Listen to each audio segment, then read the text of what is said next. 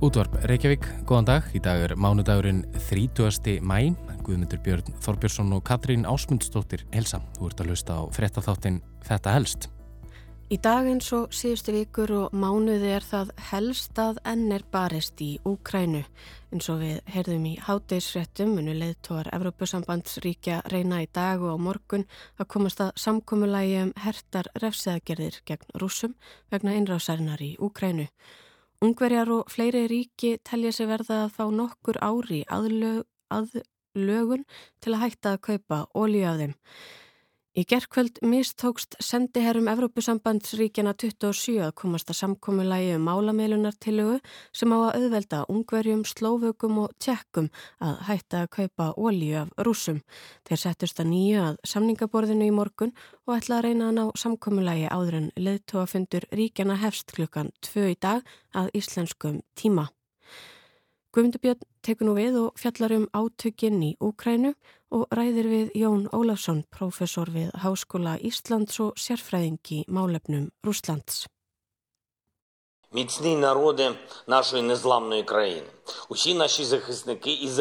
Hér heyru við í Volodymyr Silenski, Ukrænufósuta, ávarpa þjóð sína í gær. Sterku íbúar okkar ósýrandi lands, saði fósutin áður en hann flutti tíu mínútna langt ávarp sitt. Áörp Selenskís kvölds og morgna á hverjum degi frá því innrás rúsa hófst hefur blásið baróttu anda í brjóst úkrænumanna en einnig veit þeim öryggistilfinningu á þessum erfiðu tímum. Í áarpi sín í gær greindi fósettin frá því að hann hafði heimsótt borgina Kharkiv í norð-austurluða landsins fyrir um daginn. Borg sem rússar hafa látið sprengjum regna yfir síðustu vikur. Borgin er svo næst stærsta í Úkrænu og meiri hluti íbúa rúsnesku mælandi. Сьогодні я відвідав Харків. І саме місто і передові позиції наших військових в області.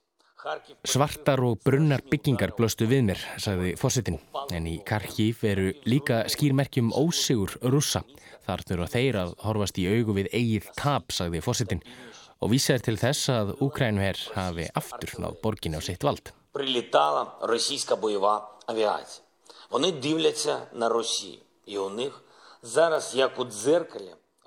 Rússar hafa ekki aðeins tapað baróttunum Harkív eða Kíf, sagði Selenski. Rússar hafa einnig glatað sinni eigin framtíð og mist öll menningarlegt hengst við hinn frelsa heim. Þeir sáu sjálfur um það.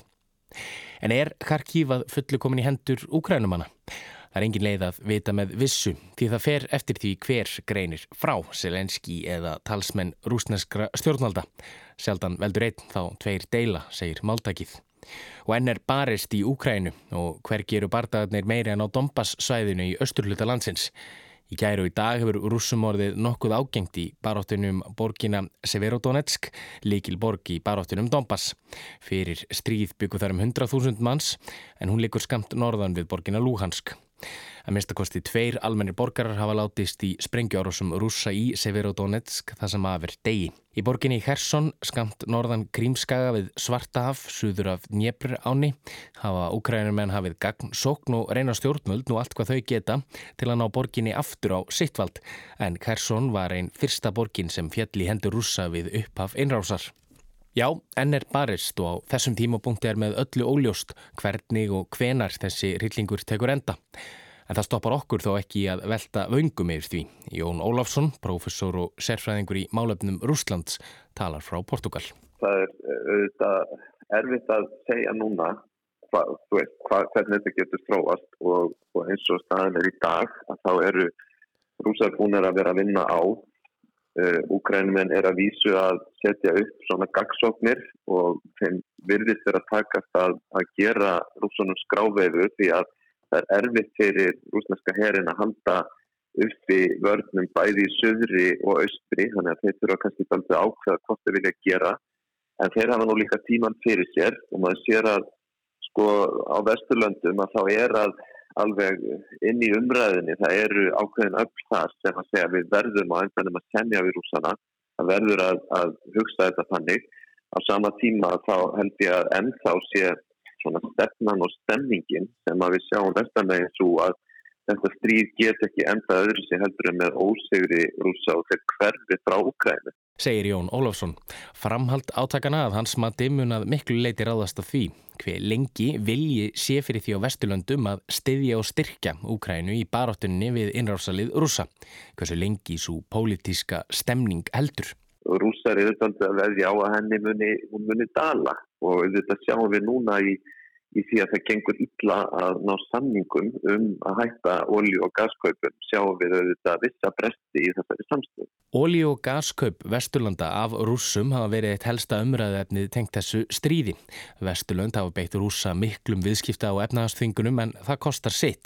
Það sem stór hluti Evrópu er nær algjörlega háður rúsnesku jarðefnaeldsneiti. Það er frettir bárust frá Brussel í morgun að Evrópusambandið vinni nú hörðum höndum að því að sambandsins. Ungverjar hafa eins og er lagst gegn öllu slíku en Viktor Orbán, fórsetisráð þeirra, hefur hingað til neitað að taka þátt í refseðagerðum gegn rúsum þar sem landið er nær algjörlega háð rúsum um ólju. Jósef Borrell, auðvirkismálastjóri Evrópusambandsins, sagði í morgun í viðtali við franska fjölmila að hann búist við því að ákverðun verði tekin setnipartin í dag. Margar og misvísandi fregnir hafa svo borist úr herbúðum rúsa Engur fjölmilar hafa haldið því fram að mannfall þeirra sé mun meira en rússar gefa upp. Jón Ólafsson fylgist vel með umræðinni eistra. Við sjáum að sko rússar eiga í mannafs erfileikum og núna fyrir nokkrum dögum til dæmis að þá var ákveðið að það verða að kalla út varaliðir verða að fara í, í varaliðs sveitir meira heldur en áður hefur verið gert en það hefur raunin ekki verið gert og, og, og það eru þetta fyrsta skrefið af því að vera að vika út uh, þetta, þetta það er, það er ekki herrkvaðning en að vika út þann mannabla sem að rúsneski herin ætlar að treysta á. Gott og vel, það er ljóst að rússar eiga enn töluverðan mannabla inni en svo staðrindað varaliðið hafi nú verið kallað til er vissulega til merkis um að innrásin gangi ekki eins vel og ríkisfjölmilar í Rúslandi vilja meina. En hvað feist rúsneskum almenningi nú þegar átökin hafa staðið yfir í þrjá mánuði? Það er ennþá er þessi stöðningur við stríðið mjög sterkur innan Rúsland. Við sjáum vissulega svona, svona merki um andstöðu en þau eru svo takmörkuð. Segir Jón. Eitt slíkt merki um andstöðu eru ítrekkaðar íkveikjur á svo kvöldluðum herskráningar skrifstofum þar sem menn geta skráð sig í varalið hersins.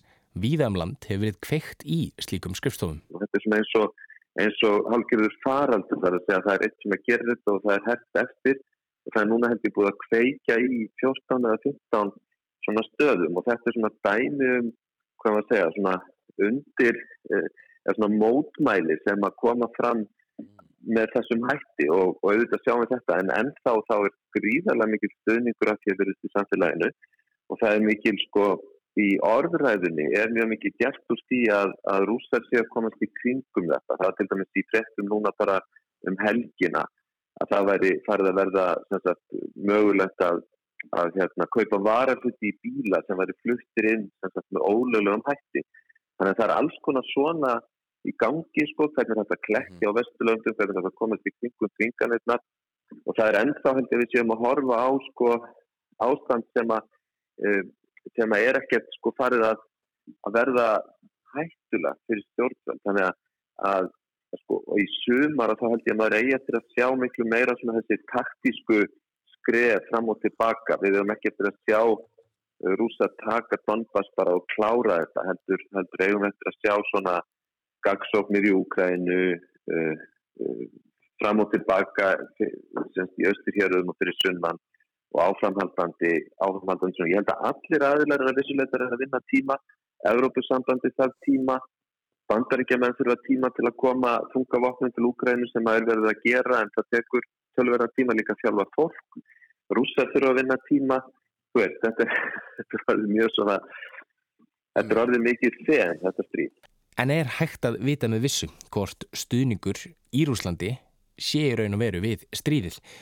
Vesturlandabúar halda kjarnan að allt sem komi frá rúsnarskum stjórnvöldum og fjölmjölum sé miðstýrt og reitskoðað og því sé engin leið að vita hvað almenningi í landinu finnst í raun og veru.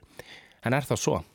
Sko ég held að, ég held að tölurna náttúrulega, þú veist, það sem kemur út úr skoðanakonum, eitthvað svona er alltaf aldrei íst, en, en það er bara, uh, það, það, það er ekkit annað að sjá í rúsnesku samfélagi heldur en að, að svona uh, þjóðetnishyggja og þjóðetnisstefna hafi uh, flóið alveg rosalega hátt eftir að stríðið byrjaði. Þannig að það er, það er mikill stuðningur. Það er aðeins miskilningur að halda að, að fólk sé bara hætti stjórnvöld og svari bara því sem stjórnvöld vilja í, í könnunum eða styðji stjórnvöld ekkert í raunin en teikist bara að gera það. Auðvitað er eitthvað um það en, en því miður sko þá held ég að við getum ekki dreyið aðra áleitun af því sem við sjáum í Rúslandi heldur en að það sé ennþá viðtækur stöðningur meðal almennings og fólk sé að gera ráð fyrir því að, að það sé meir og minna rétt sem að stjórnvöld halda fram og þeim muni takast að, að ljúka þessu stríði. Jón Ólafsson saði hér áðan að krafan á Vesturlundum er enn skýr að rússar tapi þessu stríði og herlið þeirra röklist tilbaka með skottið á milli lappana. En hvað fælst í þeirri kröfu? Úkrænumenn hafa ítrekkað gefið þó út að það kom ekki til greina að gefa svo mikið eftir sem eina landsbyldu til að rússa. Í þeim fulliringum hlýtur að felast að þeinu hernumda Dombas svæði verðað fullu skila tilbaka til Úkrænu að stríði loknum. Já, hvað fælst í því nákvæmlega að rússar tapi? Já sko þegar maður segir að sé ekki að sjá end, að þetta enda öðru í sig þá er maður kannski að sjá það fyrir sig líka að þetta sé ástand sem muni vara mjög lengi. Það er að segja að, að rúsaði muni ná ákveðnum árangri, uh, einhvern tíma muni stríðu stoppa, það er að segja að það verður ekki meiri framrás, menn muni láta sér eitthvað döga í byli, svo kannski líði tími að ég heldur áfram. En við erum að horfa ástand sem að verður Uh, sem að Vesturland verði ekkert tækta sér við, verði ekkert sko setjast niður og semja held ég, uh, til mjög langs tíma nema að verði verulega pólitíska breytingar í Evrópu. Hitt sem að getur þetta gert er að það er því sun innan Rúsland og það getur auðvitað komið fyrir ef að, ef að þetta dregst mjög langin, hefur ríkalega efnaðslegar afleggingar og, og það verða mannaskipti í yfirstöð ríkisins. Um, við getum alveg séð hlutina sinja mjög satt í Úslandi ef að, ef að þannig mál þróast þannig og, og, og tíminn auðvitað vinnur ekki með rúsnarskum stjórnvöldum þegar þetta er lengri tíma en litið, það er alveg hrein. Segir Jón Ólafsson. Sergei Lavrov, þeirra Rúslands, segir frelsun Donbass svæðisins austanverti í Ukrænu óumsemjanlegt forgáksmál rúsnesku ríkistjórnarinnar. Þar hafiði það. Og Jens Stoltenberg, frangandastjóri NATO, rætti við spænska ríkisjónvarpið í morgun. En svo alþjóð veitir Úkræna ekki í NATO og því tekur NATO ekki þátt í átökunum með beinum landhernaði en NATO-ríkin hafa þó stutt rækilega við bakið á Úkrænu. Stoltenberg segir að aðal ábyrð NATO nú sem varnarbandalags sé að koma í veg fyrir að átökin breyðist út og er þau þannig að átökum milli NATO og Rúslands. Því hafi NATO aukið við herablasinn í Östur-Evrópu. And that's also the reason why we have increased our presence, military presence in the eastern part the alliance, to send a very clear message to Moscow to remove any room for miscalculation, misunderstanding, that if one NATO ally uh, is attacked the same way as, as, as, Ukraine, then the whole alliance will be there. Um, and by sending this strong message, message of deterrence, uh, we are uh, not provoking conflict, but we are preventing conflict. We are uh, preserving peace and, uh, and we are ensuring that Russia will not attack a NATO allied country.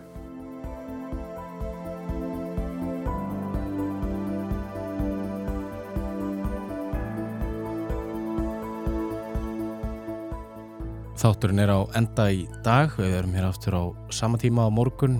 Þannan þátt og alla heina er hægt að hlýða á í spilaranum á roof.is og öllum helstu laðvarpsveitum. Verið sæl.